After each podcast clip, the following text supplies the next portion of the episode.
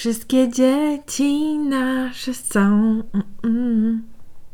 Kasia, Majka, Marika, do. Niech wasze sny spełnią się, gdy nie pamiętam tych słów.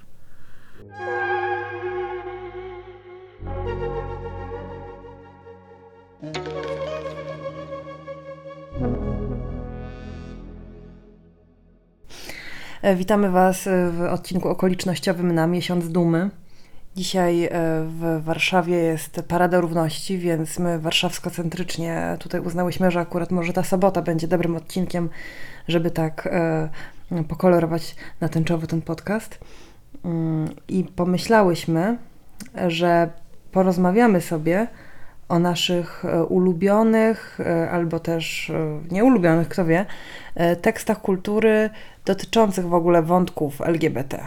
Taki miałyśmy plan śmiały na ten podcast, na ten odcinek, więc na pewno będzie dużo referencji, to możemy powiedzieć. Jak zwykle refer- referencje do znalezienia na naszym in- Instagramie z kolorowymi obrazkami i linkami do rzeczy.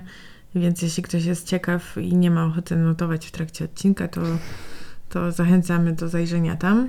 Wyobraziłam sobie właśnie ludzi, którzy tak, wiesz, siedzą i tak z uwagą, wiesz, w notesiku skrobią.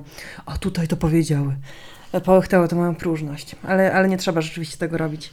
Mm. Nie, nie musicie, jest, jest łatwiejsza droga. Malina, jaki był e, pierwszy film e, z wątkiem LGBT, który ty widziałaś? Hmm. Ta, ta pauza to nie jest błąd techniczny. E, Te pauzy to ja wytnę. Zastanawiam się. Ale niechże będzie, nie wycinaj zawsze moich pauz, żeby było, że ja myślę czasem. A nie tak od razu strzelam jak z rękawa. Yy, Wydaje mi się, że to musiał być któryś yy, z amerykańskich seriali, takich familijnych, w których już wchodziła taka tendencja, żeby delikatnie gdzieś tam zarysować w tle osoby LGBT, bo nigdy nie głównych bohaterów, ale że tam ktoś jest taki Mhm. E, jakiś wujek, jakaś tam.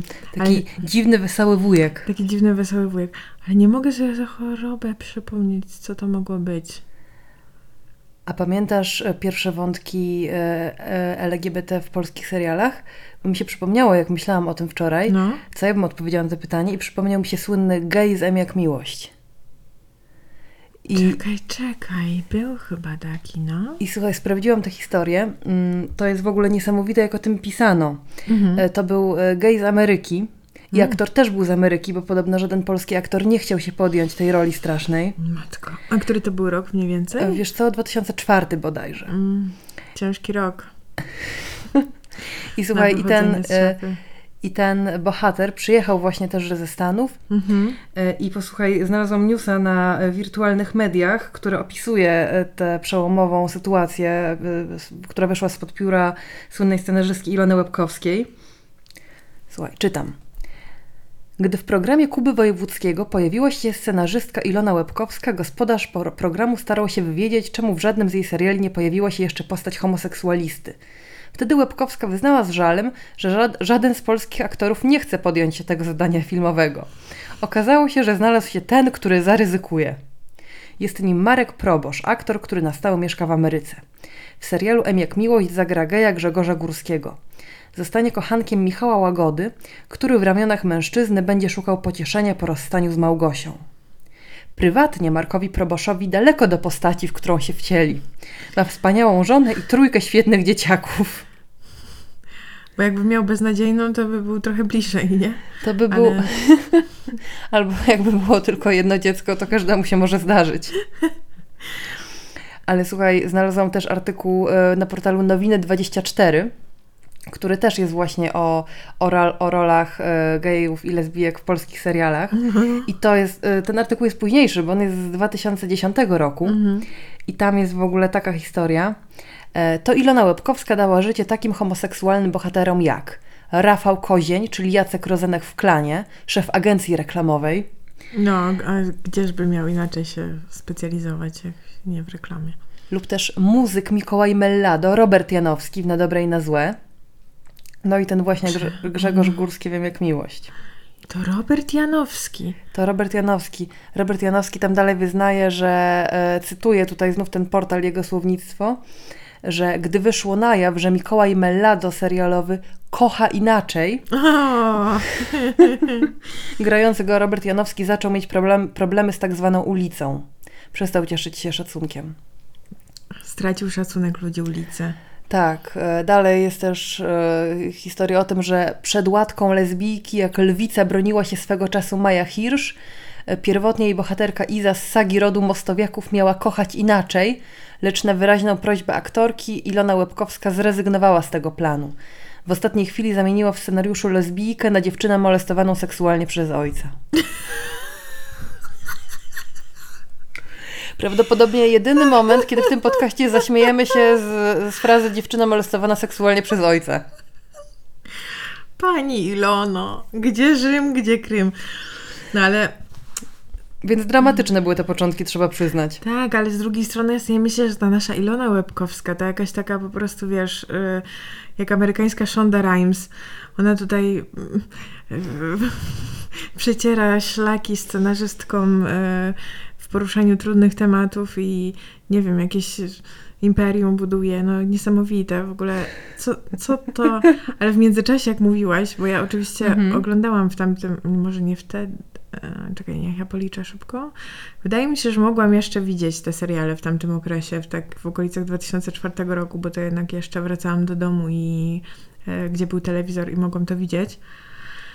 Ale e, jak ty mówiłaś o, e, o tych polskich serialach, to przypomniałam sobie, jaki to amerykański serial mógł mnie, e, jakby to powiedzieć, rozdziewiczyć w temacie homoseksualizmu, nie wiem. W każdym razie, słuchaj, w przystanku Alaska, ty oglądałaś to kiedyś? Nie.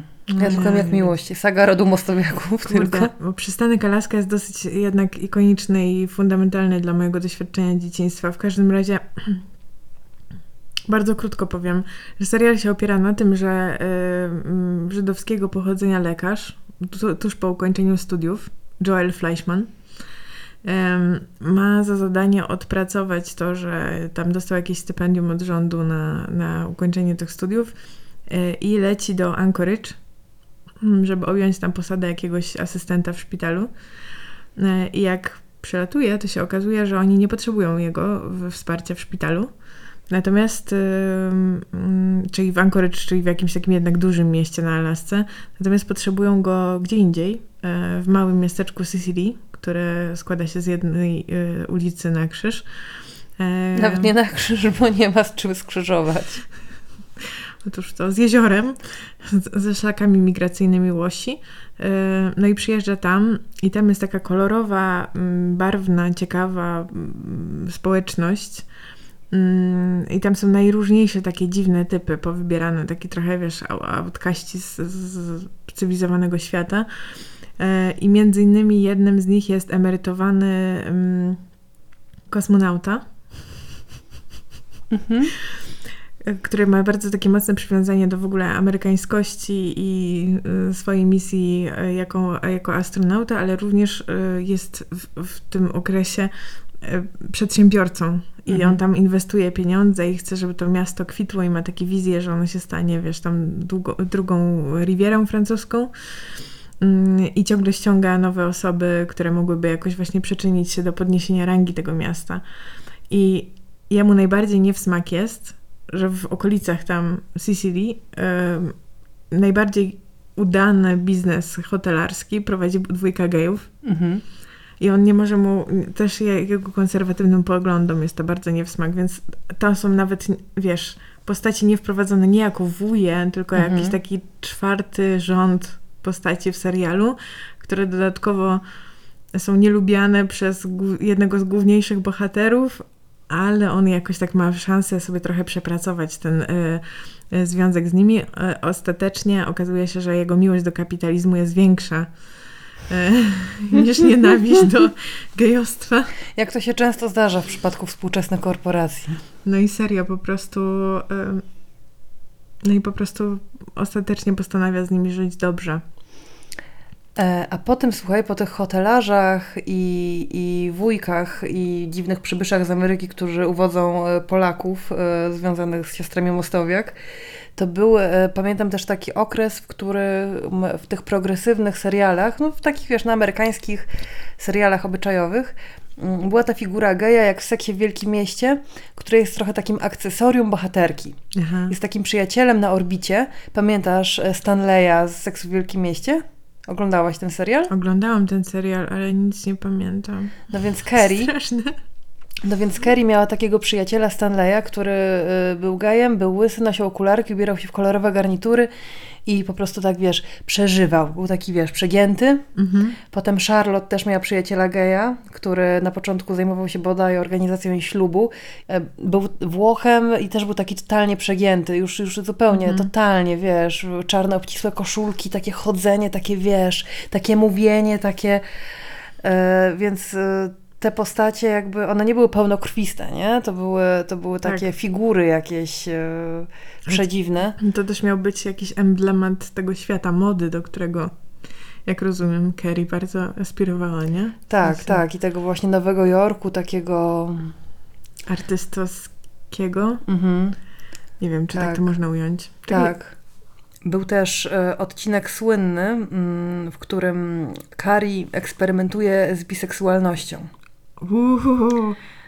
Ty patrz, tam były takie ciekawe treści, a ja nic z tego nie pamiętam. No niestety był to odcinek straszny, bo po prostu Kari y, okazało się, że chłopak, z którym ona się spotyka jest biseksualny, mhm. co jej otwarcie powiedział jakby na chillaksie i trafiła z nim potem na jakąś imprezę, imprezę, w której wszyscy grali w butelkę i wypadło, że ona się ma całować z dziewczyną. I po prostu, wiesz, Kari e, skończyło się to tak, że ona uciekła z tej imprezy po schodach, wiesz, w tej swojej sukieneczce, w tych swoich szpilkach i uznała, że ona, to, ona nie może być z biseksualnym chłopakiem.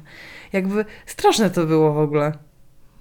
Ale że też ta biseksualność tego chłopaka miała się jakoś wypróbować w momencie, kiedy ona się całuje z kimś. To strasznie zawiła konstrukcja narracyjna. Tam po prostu tak. to było takie biseksualne najwyraźniej towarzystwo. Aha, aha. No tak, dosyć straszne, bo w ogóle jeszcze, patrz, że geje to łatwiej przychodzili jakoś tym scenarzystom, ale z lesbijkami jest problem.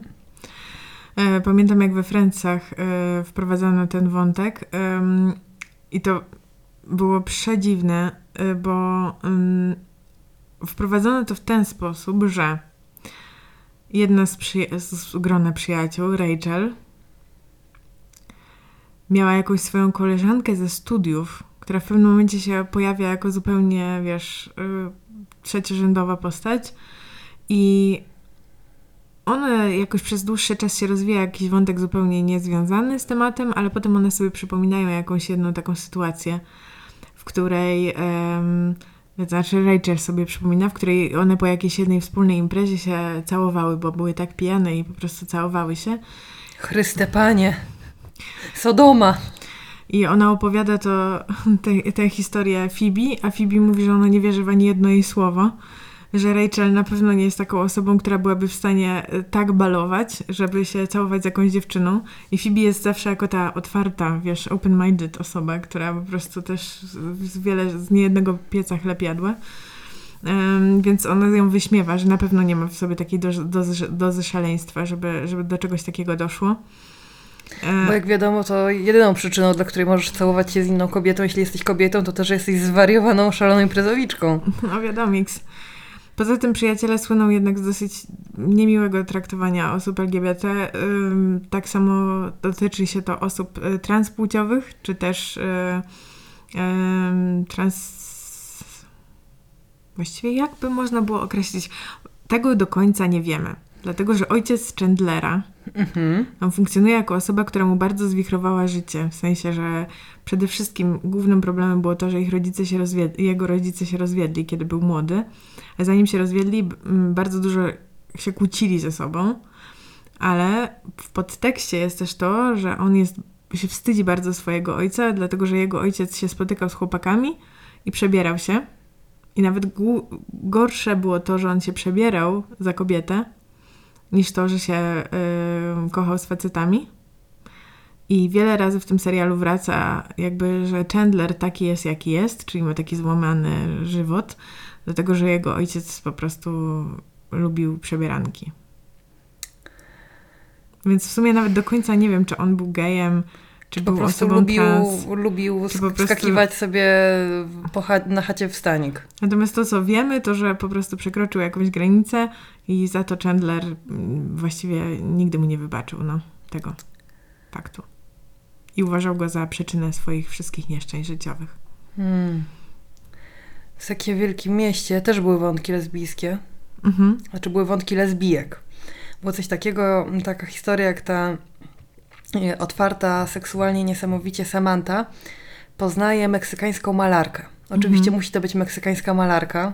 Bardzo, wiesz, osoba e, ekspresyjna i, i mm, taka kolorowa i barwna. Maria ma na imię. No i Nie Frida. nie, nie Frida. E, no i Maria, e, teraz Samantha stwierdza, że ona by, chce być z Marią, Aha. że już mężczyźni nie interesują, że jest taka scena, w której przyjaciółki pytają Samantę, Samantha, Samantha, ale dlaczego? Przecież ty tak lubisz penisy. A Samantha tak ma, zaczyna machać obiema rękami i mówi, Maria ma 10.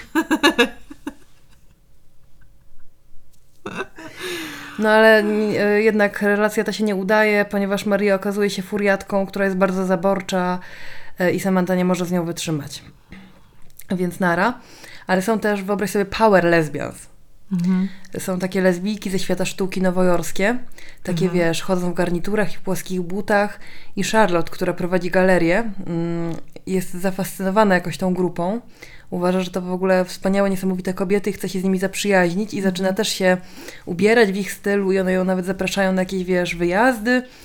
No ale w końcu e, cała sytuacja pada, ponieważ no jednak Charlotte jest heteroseksualna i tutaj no nie pasuje do tej grupy. Także...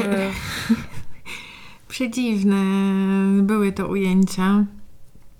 Mm, Źle się zestarzały te seriale, można powiedzieć. No niestety. No niestety.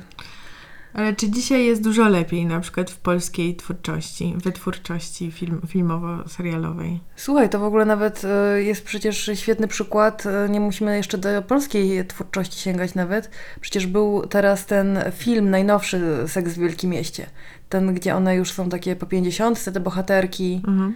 E, I tam jest wątek, w którym mąż Mirandy, Steve, jest już kompletnie niedołężny. Jest już po prostu dziodem, nie słyszy, nie widzi, już nie wiadomo, po prostu wiesz, e, siwy, e, po prostu ten fajny, seksowny, normalny Steve e, staje się strasznym jakimś bohaterem, w ogóle nieist- nieistotnym, nieistniejącym i Miranda przeżywa zauroczenie niebinarną podcasterką. Mhm.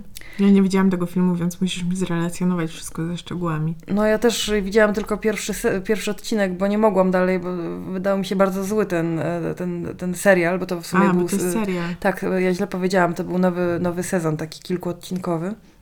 Mm. No ale w każdym razie e, po prostu Miranda, która chce być bardzo taka światła, ale jej nie wychodzi tak normalnie, bo nie, nie wiem dlaczego Mirandzie miałoby, nie, która zawsze była taką fajną bohaterką, miałoby, miałaby być jakąś taką boomerką teraz straszliwą, no ale jest ewidentnie w tym serialu, przynajmniej na jego początku. E, No i właśnie to zakochanie w tej niebinarnej osobie jakoś ją e, odmienia. A czy Miranda w ogóle, y, aktorka, która gra w Mirandę, ona w prywatnym życiu nie jest Ona jest lesbijką? no, Cynthia Nixon. No, ona Tak. ma żonę, nie? Tak, tak. I zgodziła się zagrać taką, taki paździerz? A może, a A może w wiem. następnych odcinkach, których nie oglądałaś, A może? wątek niebinarnej podcasterki rozwija się dokładnie tak, jak wszystkie nasze słuchaczki i słuchacze chcieliby. Żeby nasz się rozwinął? Żeby nasz się rozwinął. Słuchaj, od razu złapałaś moją uwagę, jeśli y, gdy, gdy tylko tam padło hasło podcasterek, to o nas jakiś fanfic tutaj mógłby powstać. E, o, O prawniczce, która nas słucha. o prawniczce, która nas Prawniczce słucha. z Nowego Jorku. Jeżeli taka nas słucha, jeżeli chciałaby nam coś kupić, Ma mnóstwo kasy i mm, chciałaby nas zasponsorować. to zapraszamy. My, my też przyjmiemy chętnie zaproszenie na Brooklyn do domu na, na miesiąc. To nie trzeba finansowo nas wspierać. Tylko na, na miesiąc? No ja mam małe oczekiwania. Ale powiedziałaś też o filmie Frida. No, no. Czy też o postaci Frida. Proszę, postaci Frida. W sensie... O Fridzie Kahlo. Po prostu Fridzie Kahlo, ale no, no, może być też o filmie. A pam- pamiętasz, widziałaś ten film z Salmą Hayek? Widziałam go, ale pamiętam, że przysypiałam kilka razy w trakcie, więc tak częściowo widziałam ten film. No ja mam wrażenie, że to dla dziecka, którym byłam, oglądając go, był to bardzo rozbudzający jakoś erotycznie film. E, Tam oprócz miłości burzliwej Fridy i Diego Rivery był też na samym początku jakoś tak był taki wątek, w którym e, scena imprezy takiej artystycznej, e, w której Frida ubrana w garnitur na, mm, na tejże imprezie porywa do tańca, do takiego zmysłowego tanga znajomą, koleżankę, no w każdym razie dziewczynę na tym party, która jest z kolei tak ubrana, wiesz, po kobiecemu i tańczą to takie tango niesamowite. E, na koniec jedno drugie daje jakąś różę, czy z różą w zębach, tam wiesz. E, no było to, e, była to scena tańca przepiękna, uważam. Nie Mhm. widziałam jej dawno, ale zrobiła na mnie ogromne wrażenie wtedy. Ale coś się dalej rozwinęło? Jakoś potoczyło się to? Nie bardzo, to ale ta scena wystarczyła Aha. do tego, żeby zrobić wrażenie. Może ktoś by nakręcił jakiś sequel tego. Jakby mogło się to potoczyć inaczej. Boże, tam był też, tam w ogóle tam było, tam był Lew Trocki też, z którym Frida miała romans. Pamiętam to. Niesamowite miała życie ta kobieta. No, Rozmarzyłyśmy się teraz. to bardzo to był dobry film, naprawdę. Tam były takie animacje w ogóle w środku tego filmu też takie. No, no, ja, ja to obejrzę chyba, muszę to obejrzeć jeszcze raz.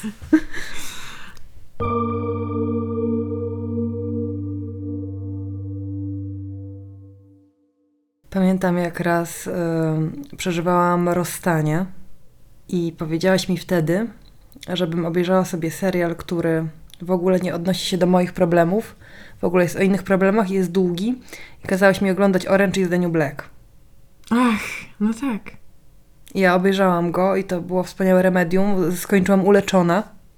Mm.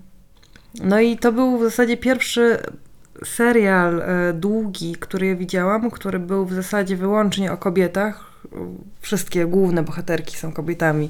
Całość rozgrywa się w damskim więzieniu, więc to jest naturalne. Te postacie męskie, typu, nie wiem, strażnicy, czy tam jacyś panowie z, z retrospekcji bohaterek są po- postaciami bardzo pobocznymi. I to był też pierwszy serial, który obejrzałam, w którym e, główne bohaterki e, to rzeczywiście były e, kobiety, czy lesbijki, czy biseksualne.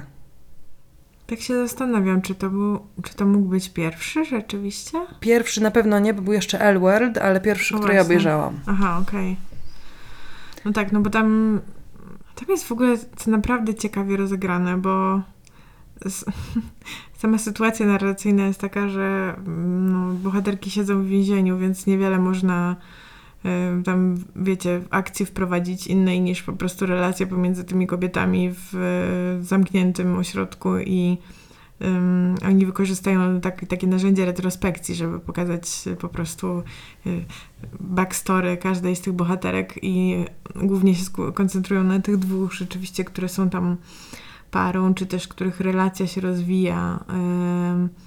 No, ale dla mnie bardzo ciekawy był ten wątek. Tylko jak to kurczę ująć w słowach? Tego, że ta Pfeiffer. Piper. Pfeiffer. Piper. Przepraszam, jakoś mi się skleiło z czymś innym. Ale pani Piper, e, ona w momencie wyjścia, kiedy ten serial się zaczyna, jeśli sobie dobrze przypominam, ona ma narzeczonego poza, e, poza tym, poza więzieniem e, i trafia w sumie za te gadki, za jakąś taką głupotę kompletną. Mhm. I jej się wydaje, bo jest bardzo uprzywilejowana i ma tak poukładane życie, że to chwila potrwa i ona stamtąd wyjdzie. Tak, że będzie rok w więzieniu, ale spoko, bo wyrzeźbi sześciopak, będzie robiła pompki, bo co można robić w więźniu, nie? Tak, i ma jakieś takie kompletnie, kompletnie odklejone pojęcie o tym, co tam się będzie działo. I jednocześnie spotyka w tym więzieniu dziewczynę, z którą kiedyś miała, łączyła ją relacja. Tak. To mówisz bardzo bez spoilerów, co z pewnością y, wszyscy docenią.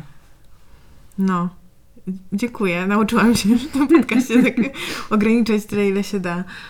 I jakoś bardzo mi się podoba tam ten wątek e, też różnicy jakiejś takiej nie tylko klasowej pomiędzy nimi, no bo ona jest, Mhm. ale też różnicy, takiej różnicy w tożsamości i w Mhm. ogóle w podejściu do relacji. Jak, te, jak ta jej partnerka ma na imię? Alex. Alex. Że ta Alex jest taka z, zdeklarowana, taka poukładana, ona wie kim jest, wie czego chce od życia, wie z czym to życie się je i jakoś tak ma, masz wrażenie, że, że jest taka bardzo krwista, z krwi i kości, a ta Piper wydaje się no zupełnie odklejona od tej rzeczywistości i taka jakaś pomieszana. I lubię te momenty, kiedy... Mm, kiedy w, tej relacji pomiędzy nimi jakoś zaczyna się taki moment, że, że ona jakby łapie tę autentyczność. Mhm. Nie wiem, czy wiesz o czym, o czym E, Wiem, o czym mówisz, że, że zaczynasz czuć, że są chwile, w których Piper też generalnie wie, czego chce Mhm. i wie, że tutaj musi jakoś w ogóle e, się ogarnąć i znaleźć jakiś pomysł na siebie w ogóle. Mhm. Że ona musi przestać jak gdyby grać w grę zwaną życiem i spełniać kogoś innego marzenia na swój własny temat, tylko e, w ogóle się jakoś tak połączyć ze swoimi własnymi potrzebami i nie wiem nawet jak to nazwać. Jakoś strasznie lubię też. no on, jest, on jest dla mnie poznawczo ciekawy po prostu ten wątek, e, jak to bywa pomiędzy e, jakby parami lesbijek, czy też osób, e, które no nie wiem, które mogą mieć taką różnicę, że ktoś się boi wyjść do końca z szafy, a ktoś już z tej szafy dawno wyszedł i, i frustruje się, że no, albo w ogóle właśnie ta gra pomiędzy byciem lesbijką, a byciem osobą jakby bi. Czy też byciem w świecie po prostu, wiesz, przyzwoitą hetero-dziewczyną narzeczoną. Tak, tak, taką tradwife trochę też, nie? Tak, taką nowoczesną oczywiście. E, Ale też ciekawe jest w tej relacji Alex i Piper to, że tam też jest taki power play. Że Mhm. one też raz jedna, wiesz, się nie odzywa, raz druga, raz jedna drugą karze, e, a, Tak, tak, raz, raz inna. Tutaj, wiesz, Alex wydaje się bardziej dyrygować tą sytuacją, e, Piper e, mniej tutaj czai. E, Ale fajne jest to pokazanie, że mm, relacja dwóch kobiet, co jest, mam wrażenie, dość często jakoś tak konceptualizowane sobie przez ludzi jako po prostu związek na różowej chmurze, nie ma mężczyzn, wreszcie możemy Tak, tak, e, żyć w pełnym szczęściu i błogości, adoptować razem psa na drugiej randce i kupić kamienny dom na wsi na, na wrzosowisku i żyć w nim szczęśliwie poprzez swoich dni. Mm, Że ten serial rzeczywiście pokazuje, że po prostu no, dynamika władzy i dynamika hierarchii jest, jest w ogóle częścią bycia w bliskiej relacji. To niezale- I to niezależnie od tego, jakiej płci są e, uczestniczki tejże. No tak, pełna zgoda tutaj z mojej strony. Co ja tam jeszcze pamiętam takiego świetnego w tym serialu, to że były też inne pary lesbijskie po prostu w tym więzieniu. Nicole e, i e, Lorna? Ona chyba miała na imię Lorna, prawda? Tak, tylko że tam no potem te związki się przemieniały, rozstawały i tasowały i były różne, różne prze, przemiany, ale generalnie, więc nie pamiętam jak, jak wyjściowo ten związek wyglądał, ale pamiętam bardzo dobrze jakby y, taki mój szok w zderzeniu z dziełem kultury, które w tak pełny sposób i tak różnorodny opowiada o czymś, co do tej pory widziałam bardzo jakby jednowymiarowo albo w ogóle nie widziałam na ekranie. Mhm. W sensie, że to nie jest, wiesz, serial, w którym masz jedną ikoniczną, to, to jak to się mówi, tokenową parę lesbijską, e, która właśnie realizuje jakiś fantazmat, tylko że to są po prostu ludzie z krwi i kości, którzy mają właśnie jakieś swoje historie, z którymi przyszli do tego więzienia i i różne temperamenty, i różne style przywiązania, i różne problemy w związkach i to jest, to, to było takie bogactwo. I też nie jest tak, że jesteś tylko lesbijką, albo tylko jesteś hetero, albo tylko jesteś po prostu bi, której wszystko jedno.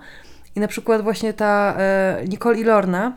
Lorna jest e, taką włoską dziewczyną, która trafia w ogóle do więzienia przez swoje jazdy mm, stalkerskie wobec mężczyzn, powiedzmy to sobie szczerze.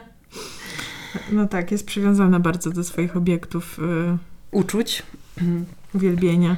I E, żyje też bardzo mocno w świecie fantazji. To Tak. znaczy nie umie się zmierzyć z rzeczywistością, tylko opowiada sobie jakąś historię. I ona jest w takiej więziennej relacji erotycznej e, z Nicole, która z kolei jest e, taką, takim dzieciakiem z Nowego Jorku, e, narkomanką też, taką jakby zorientowaną w świecie laską z dość wyższych sfer.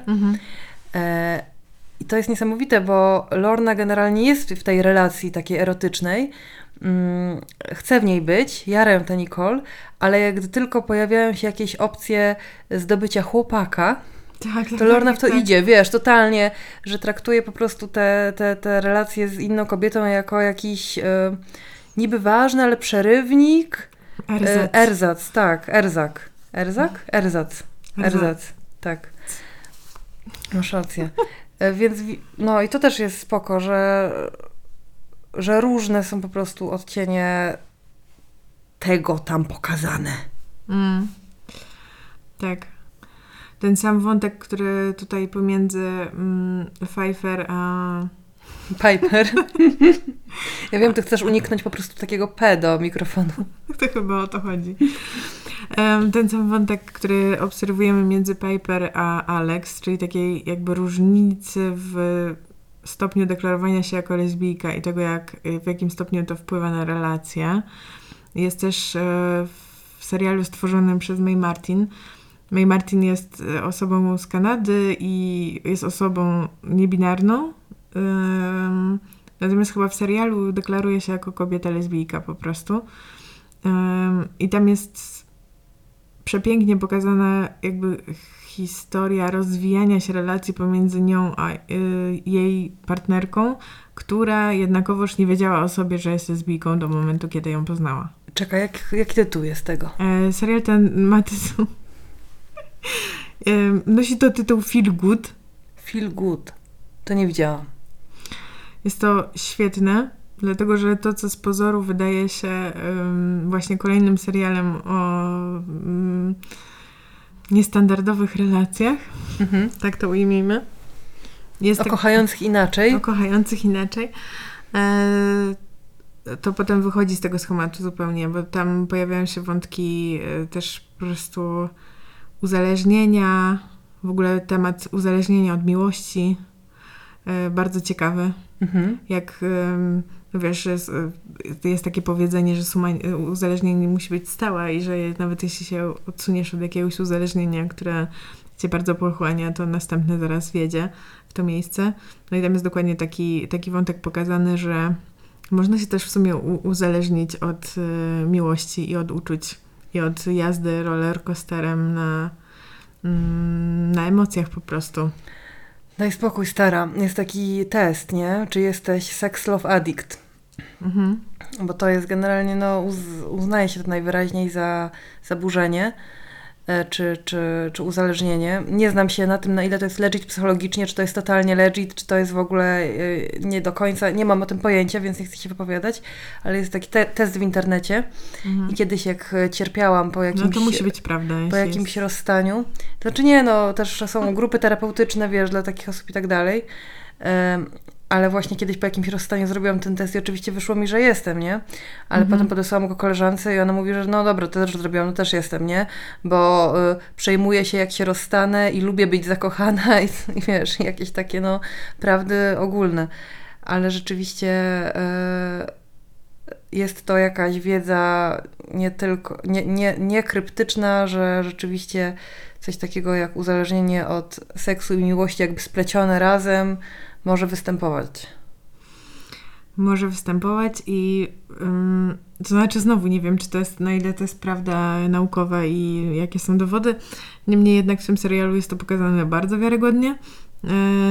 I jest też ten, nie wiem, jakoś to jest strasznie czułe i jakieś takie dobre do oglądania. Bo mam wrażenie, że ta partnerka May, która Mhm. Mm, no właśnie przychodzi trochę z, jakby z, powiedzmy z innego świata i mogłaby się czuć jakoś mocno zagubiona w tym i czuje się, bo tam jest też taki wątek, że ona na przykład nie chce przedstawiać jej swoim przyjaciołom przez jakiś czas e, i nie chce się do tego jakoś o, o, otwarcie przyznać.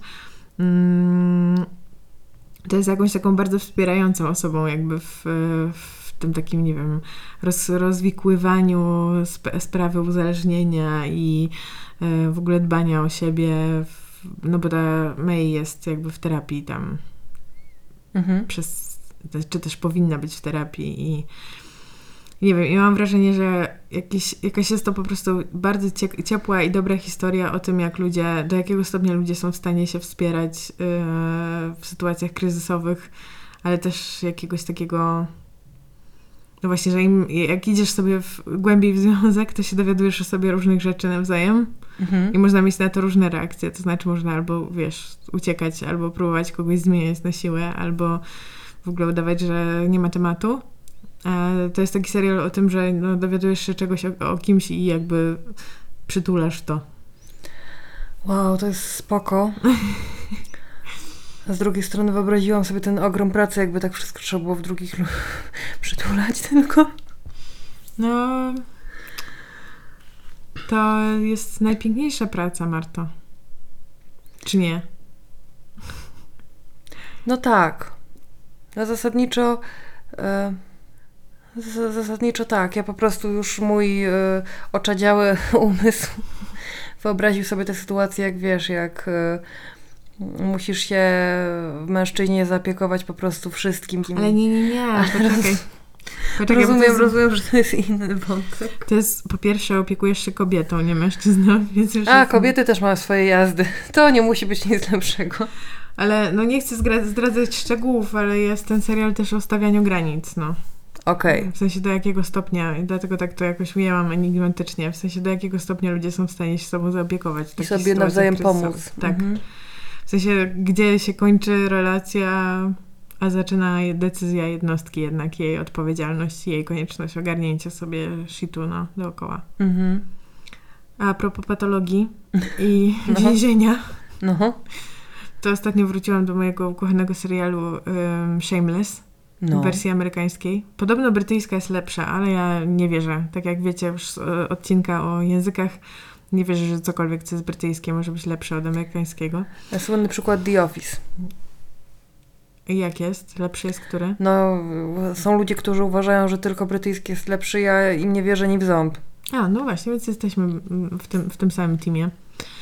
Um, widziałaś to kiedyś? Shameless nie. Nie. To jest em, historia o rodzinie dzieci i osób dorosłych, młodych, w sensie rodzeństwie. Mhm. Mm, gdzie tam najstarsza córka ma lat, nie wiem, 20 parę, a najmłodsze dziecko ma kilka miesięcy, e, które to rodzeństwo, utraciwszy e, matkę, musi się samo ogarnąć w obliczu tego, że ich ojciec jest alkoholikiem, ale nadal z nimi żyje do jakiegoś stopnia. Mm, jest tam obecny, jest ważną figurą, wobec której oni się wszyscy muszą opowiedzieć. E, I w tym serialu jest też e, dwóch mniej więcej braci w bardzo podobnym wieku. To znaczy jeden mm, hetero jest starszy, a e, gej jest młodszy. Ale no, zapomniałam o tym już przez te lata, kiedy, kiedy tego serialu nie widziałam i zakopałam go sobie gdzieś tam w odmętach niepamięci. A teraz taka jest piękna ta relacja braterska w tym serialu. W sensie jak on, ten starszy na początku ma taką, jak się dowiaduje, że ten jego młodszy brat jest gejem, to ma taką, wiesz, no różne wątpliwości i myśli mu się pojawiają w głowie, ale potem jednak decyduje się na, za nim wstawić i go chronić i go wzmacniać w tym wszystkim. Przepiękny, przepiękny obraz. To też notuję na swojej długiej liście w takim razie. No, ten serial jest też taki, powiedziałabym, mocny. Mhm. Tam jest dużo. Myślę, że można mieć do niego dużo zastrzeżeń, bo on trochę tak pokazuje życie od takiej bardzo e, brutalnej strony. W sensie, no, samo życie z alkoholikiem na co dzień to już jest jeden challenge, drugi taki, że no, jak jesteś osobą zagrożoną wykluczeniem w tak dużym stopniu, to musisz się imać różnych takich, wiesz, powiedzmy zagrań z, z półświadka. Mhm. E, a, a trzecia rzecz jest taka, że no, jednak patrzysz na te dzieci i myślisz sobie, Jezu, nikt się nim nie zajmuje, no nie? Za chwilę coś się wydarzy. E, Jest też dużo scen seksu, e, bardzo takich literalnych, powiedziałabym. I dużo, bardzo dużo humoru, Mhm. mm, który można odczytywać też jako próbę bagatelizowania problemu, być może.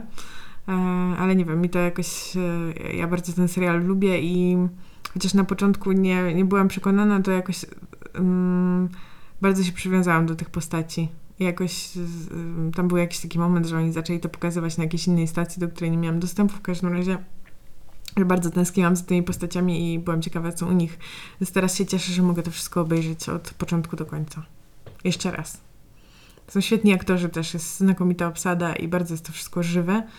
A ta najstarsza córka, która jest taką zastępczą matką dla całej rodziny, jest po prostu cudowną postacią. Myślę, że taką role model, nie? Chciałabyś być taka, taka jak ona? Chciałabym być taka jak ona w tym znaczeniu, że z jednej strony on, kurde, ogarnia cały ten bajzel. To jesteś taka jak ona. Nie. Ty też ogarniasz cały nie, ten bajzel. Nie, nie, nie, zupełnie nie w takim stopniu. W sensie, że ona naprawdę ogarnia cały bajzel, a jednocześnie jest taka taka nieusztywniona w tym że ona nadal jest bardzo wrażliwa, bardzo czuła dla ludzi, że nie wiem, jakieś takie i ma bardzo dużo też takiej sobie ra dziecięcej radości, że ona potrafi się świetnie bawić, świetnie żyć potrafi. I też ma bardzo ciekawe związki z facetami. To ja myślę, że to może być jakiś błąd scenarzystów, bo nie znam kobiety, która wszystko ogarnia. Mm i która do tego jest wyluzowana i musi, i, i ma, wiesz, barwne życie i masę czułości do innych. Swoją drogą, jak szukałam tego serialu... Kobiety, osoby żadnej takiej. Jak szukałam tego w serialu w wyszukiwarce jakiegoś tam portalu, to trafiłam na um, polski odpowiednik, zdaje się, tego. Mm. Jakoś miał podobny tytuł i Magdalena Cielecka grała tę postać. Aha. Jakże, jakżeż to się nazywało? Nie wiem, nie pamiętam tego. Samotność ale... w sieci. Jest tylu bezwstydni i tak dalej. Ja już myślałam, że to to. I ona nawet wygląda jak ta aktorka, bo jest bardzo, bardzo szczupła. Ale potem się zorientowałam, kurde, przecież to jest Magda Cielecka. To nie jest ten serial, którego szukam. No to spoko. I czy Magdalena Cielecka gra tam e, seksowną kobietę, która cierpi jednak, mimo to, że jest taka piękna? A wiesz, że nie obejrzałam tego jakoś Sorry, to nie jest Magda Cielecka, to Agnieszka Grochowska. Ale bo te wszystkie polskie aktorki są tak samo szczupłe po prostu. Oj nie, no Cielecką do Grochowskiej odróżnić. No jedna jest blondynką, druga, druga brunetką. Obie są bardzo dobrymi aktorkami i obie są tak samo szczupłe. I smutne. I, nie, i, i grają nie, smutne uważam, kobiety. że Agnieszka Grochowska jest pięknie smutna, a Cielecka jest seksownie smutna. To jest różnica wow, między nimi. bardzo trafne określenie, Marto. Tak. Jak ty to? A jak smutna jest Maja Staszewska według ciebie? Moim zdaniem filozoficznie smutna. Mm. Ona jest smutna lirycznie też. Tak, ona jest lirycznie smutna. No, także chciałoby się jej podać chusteczkę. Jakie są jeszcze inne rodzaje smutku? A, a czy w ogóle w polskim kinie y, któraś z tych aktorek wybitnych zagrała lesbijkę gdzieś? A weź mnie zabij. A wpiszmy lesbijki w polskich filmach. Bo mi się nic nie kojarzy.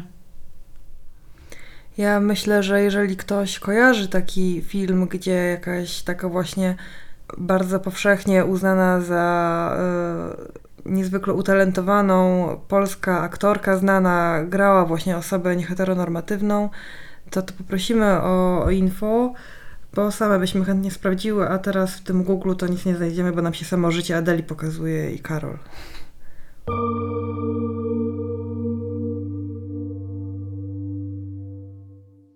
Słuchaj, to jak już rzuciłam e, życie Adeli, to co myślisz o tym filmie? Już kiedyś o nim wspominałyśmy, że on był piękny. Że był piękny, to prawda. Bo ja miałam takie wrażenie, że on jest jakoś przełomowy dla e, kina w ogóle e, LGBT. W sensie, nie żebym je znała jakoś tak super, ale to był taki film, który, który rzeczywiście mm, dużo ludzi na to poszło Mhm. E, to był taki film, który nie był jakoś środowiskowy czy niszowy, tylko, w tych, e, tylko tam ludzie walili, bo od 18 lat i wiadomo było, że, że soczyste sceny seksu. Mhm. Ja też na to poszłam, taka, taka zafascynowana, że pierwszy raz chyba idę na film od lat 18. Mhm. No i wydał mi się ten film potwornie smutny. Mm. Że to była jednak historia miłosna, która jest no... Nie ma w niej nic... Um, takiego tragicznego, dramatycznego, wiesz, to nie jest, nie jest tak, że okoliczności zewnętrzne jakoś szarpią te bohaterki, jak w jakimś Titaniku, Mm. e, ale po prostu dynamika relacji jest smutna i przez tę prawdziwość i to, że po prostu piękne zakochania różnie się kończą, Mhm. było to smutne. Ja sobie myślałam o tym, że, że to, co jest chyba najbardziej wzruszające w tym filmie, to jest właśnie ta jego autentyczność taka, ale ona też wynika z castingu, w sensie z, tych, z tego, kogo wybrano do grania tych ról. Mhm. I jakoś jak, jak myślę o tym filmie, to pierwsze mi przychodzą skojarzenia takie z, z, z takimi close-upami, gdzie y, kamera najeżdża tak bardzo blisko jakby na twarz y, jednej z tych bohaterek i pokazuje jej jakieś takie bardzo subtelne gesty mimiczne. Albo na przykład kosmyk włosów przyczep- przylepione do ust, wiesz, Tak. niechcący, tylko wiatr zawiał i ta otwarta gęba taka... Że one są jakoś tak. Wracając na chwilę do tych polskich aktorek, że to jest często zawsze takie, wiesz, jak tam ma być jakaś emocja, to ona musi być taka, taka, przerysowana po prostu, 10 razy większa, żeby na pewno w kamerze było widać. Że jak jest dramatyzm, to trzeba dramatycznie odłożyć kieliszek wina na stół i popatrzeć w okno. Tak, i wszystko jest właśnie takie baletowe wręcz, yy, wiesz, że to są takie wystudiowane jakieś gesty i bardzo szerokie, zamaszyste, takie wyraziste, wszystko jest taką kreską, pod, jak, jak w operze. Już i balet, i opera tutaj wjechały. A ten film jest taki, no kurde, subtelny. Mhm. Ja jeszcze pamiętam jakieś takie właśnie y, specyficzne światło, chwilę ciszy, y, jakiegoś takiego zawieszenia i też bardzo duża, i to jest dla mnie jakąś miarą wielkiego kina, że są na przykład ujęcia na to, jak ludzie na siebie patrzą Mhm. i wierzysz im po prostu bez pudła, że to jest prawda, nie? Że to jest po prostu wielka miłość, wielka czułość i jest to wielka intymność i że to jest niemożliwe w zasadzie, to jest jakiś cud, że to się daje uchwycić w kamerze. A ludzie często jakby, no nie wiem, często po prostu kręci się filmy o miłości, które są jakieś takie mega, wiesz, Ona się rzuca, on się rzuca, ona wyjeżdża, trzaska drzwiami, wyjeżdża na molo, on ją goni. E, no, a to, to rzeczywiście intymność, to słowo, które powiedziałaś, to moim zdaniem jest e, dosyć kluczowe dla, dla tego filmu i dla w ogóle przekonującej historii miłosnej. Tak, bo, bo wiesz, to nie jest sztuka, wydaje mi się, żeby nakręcić jakąś taką scenę, która, w której, uwaga, flirtujemy. Mm. I że to jest wszystko takie właśnie w jakimś kanonie przegięte, wyrysowane, mm, składa się z jakichś, wiesz, utartych gestów. Tutaj ja założę tak nogę na nogę, a tak spojrzę, a tak zacznę palcem kręcić po prostu kółka wokół szklanki i tak zacznę mówić. bardzo dobrze to, bardzo dobrze to zrobiłaś. No, a właśnie, a, a tam jest inaczej. Ja dzisiaj jakieś takie głębokie myśli wypowiadam, słuchajcie, ale przyznam wam szczerze, że bardzo długo dzisiaj pracowałam i nie była to subtelna praca polegająca na oglądaniu pięknych filmów, więc trochę mi brakuje słów. Zwłaszcza jak mam opisać coś takiego, co Słowom się wymyka. co słowem się wymyka. I naprawdę cenię to, że są takie filmy, które. że, że, że istnieje takie medium jak film, którego nie da się po prostu przełożyć na książkę, która potem zostanie sprzedana jako piękna powieść, bo to jest o czymś innym. Mhm. właśnie o tych chwilach takich nie. niedyskursywnych, Tak. bez odniesienia do wielkich tropów literackich i kulturowych. No tak, albo po prostu można bardzo wiele pokazać dwusekundowym spojrzeniem. I już ta emocja, która oczywiście w literaturze może, wiesz, przejść na jednej metaforze, y, jest po prostu w tym, w je- w jednym ujęciu, nie? Więc ja, jeśli ktoś tego filmu nie widział jeszcze, a ma y, trochę czasu oraz mocnych nerwów, no bo jest to jednak rozdzierająco smutne, no. Tak. Chyba właśnie przez to, że to jest takie prawdziwe, No, tak, tak, tak, tak, że tak. tak bardzo kibicujesz im, żeby im wyszło, bo, no, bo to jest tak blisko życia, że właściwie jakbyś widziała swoją przyjaciółkę. A, No i samotność jest też tam pokazana rozdzierająco. No, straszne. I też jakby tak turbo prawdziwie, że wyć się chce. No, to jest film do szlochania, słuchajcie. Dziewczyny obejrzyjcie. A mówiąc o kinie francuskim, no to jeszcze nie, nie, nie mogłabym tutaj nie nawiązać do swojego ulubionego portretu kobiety w ogniu. Mhm. E, ja opowiem teraz, jeżeli ty jesteś po pracy, to ja teraz e, przejmę na chwilę pałeczkę. No, opowiedz. E, I kto nie widział ten trąba, to niech zobaczy. To jest film e, Céline Sciammy, e, który opowiada historię malarki w XVIII wieku, która przyjeżdża do dworu, do, do arystokratycznego zamku jakiegoś, namalować portret panienki, która tamże mieszka i ten portret ma zostać wysłany jej przyszłemu mężowi. I ona maluje ten portret. W tym czasie między tymi kobietami rodzi się romans. Uwielbiam ten film za to, że pokazuje historię, która jest, y, z której tak łatwo można by było zrobić właśnie taką tragiczną historię tego, jak to po prostu życie i los i historia i y, patriarchat nam stoją na drodze i tutaj nie możemy Mhm. być razem, a choć tak bardzo chcemy i się miotamy po tych skałach nad tym morzem, Mhm. że te, tego nie ma, że tam jest taka jakby łagodna, spokojna rezygnacja obu tych bohaterek, że Mhm. jakby znają rzeczywistość, nie ma co drzeć szat Mhm. i dzięki temu też widz nie czuje się po prostu e, na siłę przygnieciony tym e, dramatyzmem i tą tragedią. Mhm.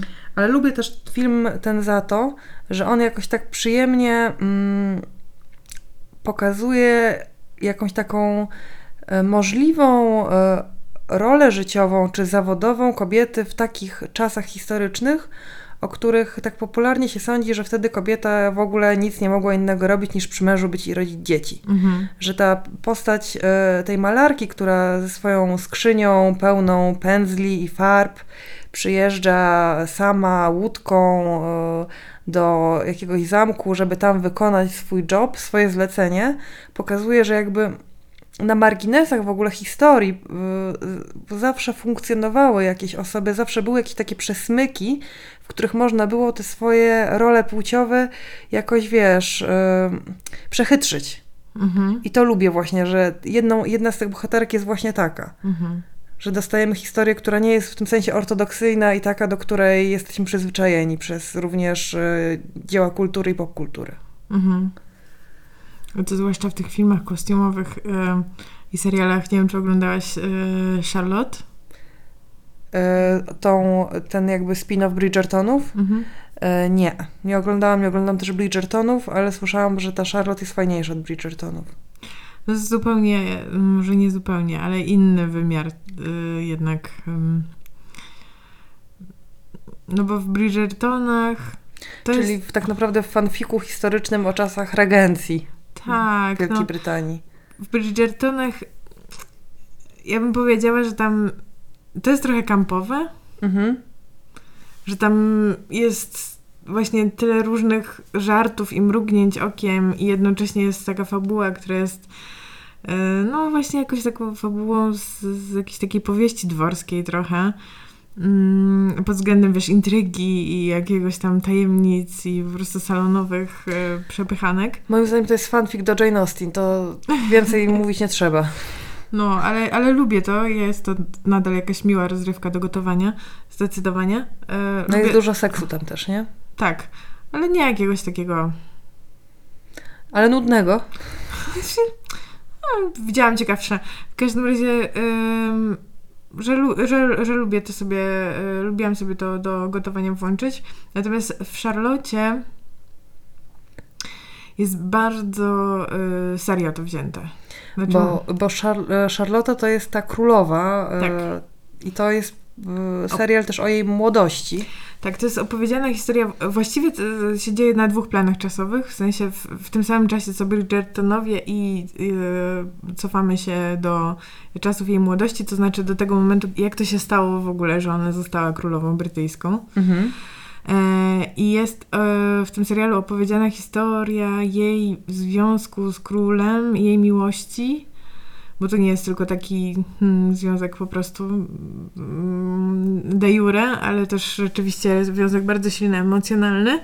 I tam są też poboczne wątki miłosne, ale jakby ten serial jest dużo bardziej e, se- serious. Mhm. jeśli chodzi o tę prawdę taką emocjonalną. Że to Mhm. nie jest wszystko takie, wiesz, na zasadzie y, w takiej konwencji dowcipu, tylko że mm, na, na serio i jakoś to dosyć głęboko wchodzą w te wątki. Y, I tam się pojawia historia mm, miłosna pomiędzy dwojgiem mężczyzn, gdzie jeden jest lokajem królowej, a drugi jest lokajem króla Mhm. czy tam jakimś innym majordomusem, już nawet nie wiem, takim bezpośrednim, najbliższym e, asystentem.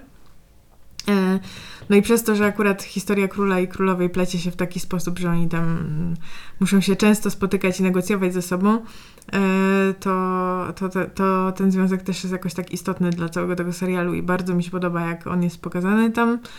E, bo mm, wiesz, widać jest relację pomiędzy tymi dwoma facetami jako, jako bliską, ale też ich relacje w stosunku do króla i królowej Mhm. i że te lojalności się tak dziwnie, że gdyby praca im wchodzi w, ży- w życie prywatne i że te lojalności się tak dziwnie rozkładają, że są takie momenty, kiedy król i królowa są w konflikcie i oni wtedy też po prostu w jakiś sposób w- są w konflikcie czy oddaleni od siebie, a jeszcze to wszystko się nakłada na ich związek z koroną, Mhm. czyli ich takie przywiązanie do tego, że muszą działać na rzecz dobra wspólnego i utrzymania tego państwa i w, w całości, i że to wszystko tak naprawdę zależy od tych lokajów, nie?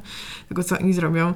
Więc to, to też taki ciekawy mek narracyjny, strasznie mi się to podoba i, ym, i bardzo piękna jest ta postać tego, tego majordomusa królowej. Mhm. On jest taki, wiesz, jak Jak co? Jak, do czego byś go porównała do jedzenia? Właśnie nie, nie do jedzenia. nie do jedzenia, ale pomyślałam sobie o, nie wiem czemu, o pięknej i bestii o tym ym, świeczniku, o tej Aha. postaci świecznika. Bo on też był lokajem, nie? Że on Czy też tam- był lokajem, ale że on jest taki, też jest taki kochany, pocieszny i taki dobry i on, jemu tak na wszystkim tym zależy i no i bardzo wzruszająca jest ta postać. I naprawdę przez to, że no też oni opowiadają taką historię, która się dzieje na wielu planach czasowych i widzimy jakby w różnych momentach życia te postaci, to nie, nie wiem, czy to nie jest najlepsza postać w tym serialu. Strasznie mi się podoba. Gej. Kochający inaczej się mówi w tym podcaście. Przepraszam emocji. Um, osoby, osoby te. E, Tej, a mówiąc o e, historycznych e, filmach z wątkiem LGBT, faworyta. A, Faworyta Lantimosa. Piękny. Przewspaniały film. Przegięty, ale nie za bardzo przegięty. Wspaniałe role. Olivia Colman, Emma Stone. I ta aktorka, którą zostawiłam na koniec, bo wiadomo jak się pisze, ale nikt nie wie, jak się to nazwisko wymawia, czyli Rachel Weisz? Weisz? Rachel Weisz.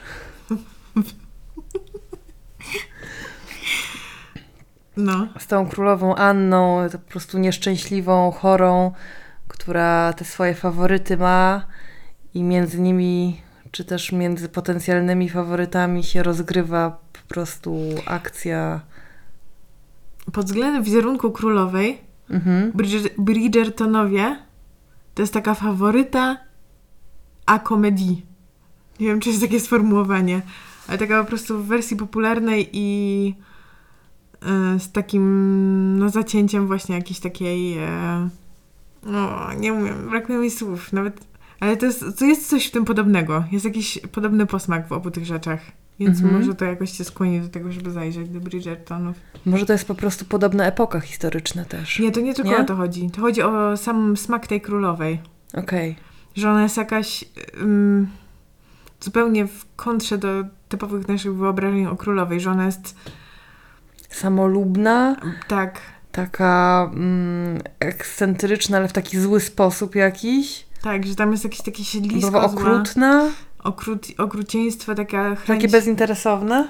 zamordyzmu jakiegoś kompletnego i mm, to jest taka postać wręcz demoniczna, w sensie, że rzadko jest w ogóle są portretowane kobiety w taki sposób, że nie dość, że ona jest w pozycji władzy, To jeszcze jest kapryśna tak, i...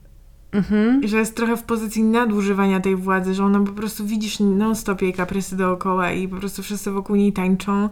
E, ona, a jednocześnie w jakiś sposób pogubiona, w sensie, że coś tam jest pęknięte w tej postaci, nie? Mhm. Więc bardzo podobne. No i nie przyszło mi to skojarzenie do tej pory do głowy, ale, ale jest coś w tym bardzo podobne. No ciekawe.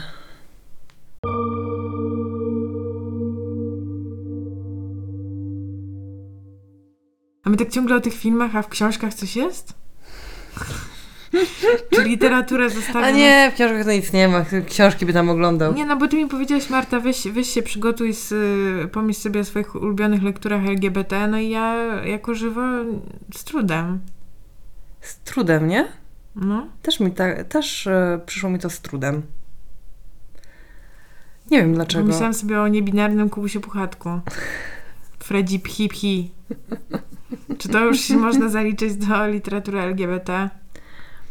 Powiem ci, że ja pomyślałam e, o powieści m, Dziewczyna, kobieta inna Bernardine Evaristo. Mhm. E, super książce moim zdaniem. A patrz, ja się ograniczyłam do tego, że kupiłam mojej mamie na gwiazdkę i sama nie przeczytałam. O, stara, to musisz przeczytać. Tak? No totalnie. No, Wejdziesz jak masło. A weź mi powiedz dlaczego. No, to są historie 12 osób. Mm, Strasznie Każdy dużo osób. rozdział jest na każdą osobę. Mm. One są wszystkie ze sobą w jakiś sposób powiązane. Aha. E, Są to e, kobiety mm, z Wielkiej Brytanii, e, w różnym wieku, z różnych klas społecznych, Mhm. różnej rasy również, tak mi się wydaje. Większość jest czarna. O różnych w ogóle światopoglądach, o różnej też orientacji psychoseksualnej. Po prostu e, wszystkie są jednak jakoś ze sobą związane. Mhm. Mm, I ta mnogość perspektyw jest y, przeciekawa. Jest też tam dużo. Kurczę, tak opisuję, opisuję, nie umiem powiedzieć, dlaczego to jest takie super. Jakoś nie, nie przechodzi mi ta jakaś światła myśl przez usta, ale świetna jest ta mnogość perspektyw. Mam wrażenie, że y, historie ich osobiste są pokazane w taki bardzo wciągający, plastyczny, wiarygodny sposób, który różne rzeczy w ogóle, problemy społeczne uwypukla, ale także totalnie nie masz y, ani przez sekundę poczucia, że jesteś oto na kazaniu i ktoś ci klaruje, jak świat Mm. wygląda i społeczeństwo, jakie tu są problemy i co my tu musimy naprawić, tylko wierzysz tym, tym bohaterkom i wierzysz tym relacjom ich z innymi bohaterkami i ze światem. Mm, No jest to, e, czyta się to świetnie, ja to przeczytałam za jednym zamachem, a uważam, że to jest dużo, jeżeli dobrą literaturę e, potrafisz w naszym świecie po prostu, wiesz, telefonów i sprawdzania co 5 minut tam na Instagramie e, przeczytać w jeden wieczór. Hmm. Ekstra. Więc Bernardine Evaristo, dziewczyna, kobieta, inne, bardzo, bardzo tak. No super. A czytałaś ty kiedyś fanfika? Fanfika e, Natalii Osińskiej, polską książkę. Polską książkę? E, bardzo dawno, e, to jest chyba dla młodzieży, nie? Literatura młodzieżowa. W teorii tak, ale myślę, że w praktyce każdy powinien. Bo tam jest chyba bohater niebina, e, niebinarny czy transpłciowy? Transpłciowy. Mhm. Trans, transpłciowy mężczyzna, który jest w wieku licealnym Mhm. To chłopiec, no już nie nadużywajmy wielkich słów. i em, no odkrywa, y, jakby zdaje sobie sprawę z tego na Mhm. skutek różnych interakcji ze swoimi, nie będę też wszystkiego tutaj spoilować, ale em, na skutek interakcji ze swoimi rówieśnikami, czy też konkretnie jedną osobą, która pojawia się w szkole, em, e, który trochę jakby mąci w takim heteronormatywnym obrazie świata, e, zdaje sobie sprawę z tego, co jest przyczyną tego, że czuje się tak, jak się czuje, że, nie pasuje do tego, e, do tej normy. E, Jest tam też, w grę wchodzi relacja z ojcem, Mhm. który musi oczywiście sprawę przetrawić i przerobić. mm, No ale też z rówieśnikami. Właśnie dużo tam jest takich, wiesz, ciekawych opisów tego, jak em, ludzie w tym wieku, young adults, czy Mhm. też właśnie jeszcze w, w wieku młodzieżowym, gdzie przebiega granica, nie wiem. Ja uważam, że ta literatura young adult to jest po prostu literatura, literatura młodzieżowa. Takie piękne jest polskie słowo młodzież, czemu już jej nie używać? Dlatego, Bo- że y, dzisiaj o tym rozmawiałam z kimś, że, że młodzież y, y, to jest taka przed 18 rokiem życia, a Young Adults to jest yy, po 18 roku życia. No ale przepraszam, ale mówi się literatura young adult na e, książki o 15-latkach pisane na Wattpadzie. No to no która 20-latka bo, bo mi się czyta? wydaje, że wiesz co, że w ogóle ten termin Young Adult, y, correct me if I'm wrong, był po prostu, to jest termin marketingowy, Mhm. stworzony po to, żeby bardzo precyzyjnie wyciąć jakby kawałek, segment rynku książki, e, szczególnie amerykańskiego, który okazał się niesamowicie dochodowy. To znaczy, że można po prostu tam produkować niesamowite ilości e, powieści o Główna również. również, ale powieści o ludziach mniej więcej w tym wieku i z kilku, wiesz, z dziesię- puli dziesięciu różnych wątków możesz ukleić tysiąc powieści i na każdej z nich zarobić jakąś niesamowitą kasę, nie? No dobrze, to nie będę się kłócić e, z prawem rynku. No. Nie, no po prostu wydaje mi się, że to jest jeden z takich terminów, zresztą młodzież też jest terminem marketingowym. Nastolatki w ogóle, y, termin nastolatki zostały wymyślone dlatego, No. nie? Żeby sprzedawać dzieciom rzeczy. Masz rację, nastolatki, to z młodzieżą to nie wiem. Dobra, już nie będę się wymądrzać, bo nic o tym nie wiem. W każdym razie chciałam powiedzieć o tym fanfiku, Mhm. no, że na Netflixie powstał, e, powstała inscenizacja filmowa tejże książki. Mhm. Jest to zaskakująco dobre jak na polskie kino. Tak? Naprawdę. Jest to piękne przede wszystkim, jeśli chodzi o zdjęcia. Co prawda jest to odklejone i mało realne, tak jakby który nastolatek Tak mieszka nie w wygląda warunkach. polskie liceum, tak? Tak nie wygląda polskie liceum, a zdecydowanie nie wygląda tak e, dom polskiego robotnika. Aha. Mm, e, Natomiast e, jest to bardzo ładne i wciągające. Chociaż no właśnie, ma te walory takiej po prostu literatury młodzieżowej, więc tam nie pójdzie to za głęboko. No nie wiadomo, że wszystko się musi skończyć dobrze i wielu bohaterów wiesz, walki uliczne i na koniec po prostu wychodzimy w stronę zachodzącego słońca, więc nie, nie ma tam jakiejś wielkiej głębi, ale jest to bardzo ładne i jest świetny e, odtwórca głównej roli. Naprawdę bardzo ciekawa osoba, tak wizualnie, aktorsko, e, po prostu przykuwająca wzrok i myślę, że pięknie dźwiga tę rolę. Natomiast po, po obejrzeniu samego filmu obejrzałam też dokument o tym, em, w zasadzie o osobach, które startowały w castingu do odtwórcy, od, o, na odtwórcę tej głównej roli. A tam był jakiś taki e, wymóg w castingu, że chcą osoby transpłciowe, czy też... tak. Mhm. E, że chcą osoby albo transpłciowe, albo niebinarne. Okej. I ten dokument jest o trzy klasy wyżej oczywiście od tej fabuły, Mhm. w tym znaczeniu, że jest to o prawdziwych ludziach, ale jest też bardzo dobrze zrobiony dokument, tak po prostu. W sensie z- Chciałam ci powiedzieć, to wyślij mi linka. zapraszam... Wszystkie te, wszystkie te w ogóle historie będą na naszym Instagramie. Będę robiła chyba te referencje naprawdę trzy godziny. Zapraszam na Netflix. Ym, ale no, mega się wzruszyłam, jak oglądałam ten dokument. Uważam, że się dowiedziałam czegoś nowego, chociaż myślałam, że już dużo wiem o temacie transpłciowości, to jednak się dużo dowiedziałam. Prawdziwe historie ludzkie na ekranie, bardzo ładne osoby duchowo. To o transpłciowości e, też na przykład wyszło niedawno tłumaczenie książki Tori Pe- Peters Trans i pół baby. Mhm. Mm, I to jest z kolei historia e, transpłciowej dziewczyny e, w Stanach Zjednoczonych, która chce mieć dziecko. O-o.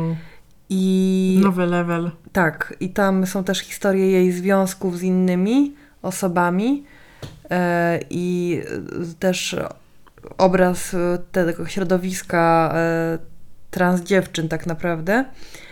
Mm, Bodaj nowojorskiego, nie jestem Mhm. do końca przekonana, e, nie jestem na 100% pewna, jakie to było miasto, ale właśnie też takich skomplikowanych relacji, też tranzycji, detranzycji, jednocześnie w takim lekkim tonie, z Mhm. biglem, z Mhm. humorem, z dystansem wobec tej transpłciowości, czyli jest trochę coś, co w Polsce jeszcze nie za bardzo w ogóle jest, Mhm. bo temat jest tak e, jakoś, wiesz, świeży w kulturze Mhm. polskiej i w ogóle bolesny bardzo i trudny też, jeżeli chodzi o polskie prawo, jeżeli chodzi o, o akceptację i tak dalej, że, że to e, mam wrażenie w, w dziełach jakichś wypuszczanych na zewnątrz, a nie Mhm. tylko żartach w ramach własnej e, społeczności, to jeszcze tego tonu nie ma u nas. Mhm. Ale za to słuchaj, w teatrze o transpłciowości Tak? jest. Jest ostatnio. Zauważyłaś? A co mianowicie? Na jednym spektaklu razem byłyśmy. Zagadka, na jakim? O transpłciowości w teatrze. W nowym byłyśmy. A, no tak. Tak, oczywiście. E, Mieszkanie na Uranie. Borczucha. Mhm. Na podstawie Preciado. Tak. I tam e, był też ten zabieg, e, że jest Anu Czerwiński, czyli e, osoba transpłciowa, transpłciowy chłopak, który w ramach wideo opowiada też właściwie swoją historię, czy też nawet nie historię, o jakieś swoje emocje również. Występuje tam. Mm, Są też sceny tak za, zaśmiałam się, bo mi się przypomniał Jacek Poniedziałek jako e, srogi polski ojciec, który nie może dojść do ładu, że oto córeczka chce być chłopakiem.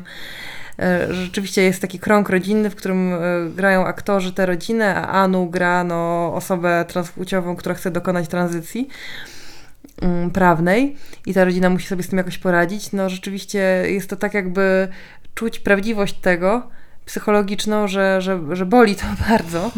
No tak. Był też e, spektakl Orlando e, Agnieszki Błońskiej w Teatrze Powszechnym w Warszawie. To z kolei na podstawie Virginia Woolf. Mhm. A w ogóle a propos Orlando, to teraz będzie miał premierę na Postporn Festiwalu e, film Preciado. O, nie, jeszcze go nie widziałam, ale mam obejrzeć zamiar i strasznie polecam, mm, bo no, Preciado tak generalnie siedzi w temacie z różnych spektrów. tak, różnych zjawisk. Różnych. Jest, jest to filozof, który proponuje nam zupełnie nowe ujęcie tematu, o których e, poprzednim naszym filozofom się nie śniło. Więc myślę, że ten film też będzie ciekawy, chociaż słyszałam też już głosy różne krytyczne. Pod względem, no już nie będę w to wnikać, bo nie będę relacjonować opinii z trzeciej ręki, ale jestem strasznie ciekawa tego filmu rzeczywiście, bo, bo tam i wiesz, spektralność czasu, i spektralność płci, i spektralność tożsamości. Jestem super ciekawa. O pani. No, Ale chciałam Ci dłużej powiedzieć o trzecim spektaklu, bardzo proszę. mm, który widziałam ostatnio. Miał premierę w marcu w Łodzi w teatrze e, imienia Dejmka. To jest spektakl Joli Janiczak i Wiktora Rubina, który nazywa się Dobrze ułożony młodzieniec. I to jest e, historia oparta na faktach, oparta na historii mm, polskiej z dwudziestolecia międzywojennego, z Łodzi zresztą właśnie, Eugeniusza Steinbarta, Mhm. mm, o którym opinia publiczna dowiedziała się wtedy, kiedy e, wypadł czy też skoczył z okna kamienicy w Łodzi i prasa zaczęła pisać e, sensacyjne nagłówki, że oto z okna kamienicy wypadła młoda kobieta ubrana jak mężczyzna, przebrana za mężczyznę. Że wiesz, trafił on do, do szpitala i okazało się, że jakby e, ma genitalia żeńskie. Mhm. E, I w związku z tym, no jakby wyobrażasz sobie nagłówki ówczesnej prasy, jeszcze w ogóle koncept jakiejkolwiek transpłciowości, czy, czy funkcjonowania jako kobieta, czy mężczyzna w społeczeństwie, w oderwaniu od, od No swojej tak. jakiejś płci biologicznej nie istniał za bardzo. Mm. Co ciekawe, Eugeniusz Steinbart e, i w, i w, i w realu w historyczny, i w spektaklu miał żonę Mhm. i funkcjonował jakby zupełnie społecznie jako mężczyzna. Wychowywali razem dziecko również. E, No jest to świetny spektakl. Polecam naprawdę, jeżeli ktoś w Łodzi mieszka lub ma ochotę się tam przejechać, to nie tylko ja, e, to nie tylko mnie się podobał, to recenzje są też liczne, można sobie poczytać. E, A właśnie główną rolę Steinbarta gra Edmund Krępiński, który nie jest sam aktorem po szkole teatralnej. Mhm. E, Jest, e, on skończył SP mm, i rzeczywiście to, co jest super ciekawe w tym spektaklu, to jest to, że to nie jest tak, że jest osoba transpłciowa, bo Edmund jest, e, jest transpłciowy, która przychodzi do teatru i tutaj w sumie trochę zagra siebie, nie? czy tam Mhm. wyperformuje Mhm. siebie, tylko on po prostu gra rolę. Mhm. Gra rolę w spektaklu, wiesz. Mhm. Mam wrażenie, że gdyby w tej roli obsadzić aktora cispłciowego, to jakby kompletnie położyło ten spektakl. Nie? że No, jakby, wiadomo. wiesz, E, ta reprezentacja jest tu jakby tak kluczowa i jest to w ogóle świetny przykład tego, jak, jak ta reprezentacja i autentyczność jest ważna. Super, super e, rzecz.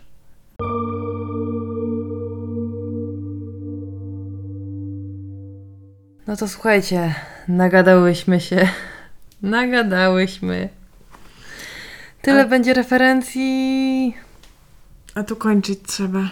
I kończyć trzeba życzeniami żeby w końcu ten pieprzony patriarchat upadł i rozbił sobie swoją brzydką twarz i żebyśmy mogli się wszyscy obudzić w kraju mm, przynajmniej nieco bardziej em, tolerancyjnym dla różnorodności.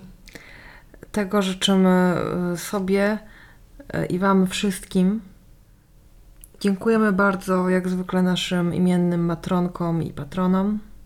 A są to Kosma Puławka, Wojciech Kur, Magda Płocka, Italia. Życzymy Wam pięknej tęczy na niebie. Teraz zaczniemy takie, te, te, wiesz, takie cringe'owe rzeczy mówić. Życzymy Wam tęczy w sercu, Jednorożców. Jed, jednorożce po prostu, wiesz, na, na chmurze. E, Nie no, życzymy Wam i myślę, że o, też był, o tym też był ten odcinek e, obczajki, że w ogóle osoby i relacje i historie queerowe są tak samo zawiłe i ciekawe i, i różnorodne i niefajne czasami, jak, jak historie e, cis-hetero, że to po prostu to jest też, mam wrażenie, rola kultury, żeby to też pokazywać. I to jest też rola nasza, żeby Jako- pokazywać kulturę. E, Więc mamy nadzieję, że się wywiązałyśmy z tego spoko. Jeśli chcecie dołączyć do grona naszych patronek i matronów, to zapraszamy do naszego Patronite'a. E, A jeśli chcecie więcej się dowiedzieć o tych rzeczach, o których mówiłyśmy tutaj, rozlicznych tytułach, reżyserach, aktorkach, postaciach, to zapraszamy na nasz ins- Instagram czułopunktowy. E, No i prosimy o wystawianie nam ocen, e, jak najlepszych oczywiście na Spotify'u i w innych podcastowniach. A Jak teraz, najszczerszych. e, a teraz żegnamy Was. Jeżeli tutaj słucha nas ktoś, kto właśnie wybiera się na warszawską Para- Paradę Równości, to weźcie czapkę i wodę. Mhm, Tak, zdecydowanie. A wszystkim innym po prostu życzymy dobrej soboty. Pa, pa! Pa, pa.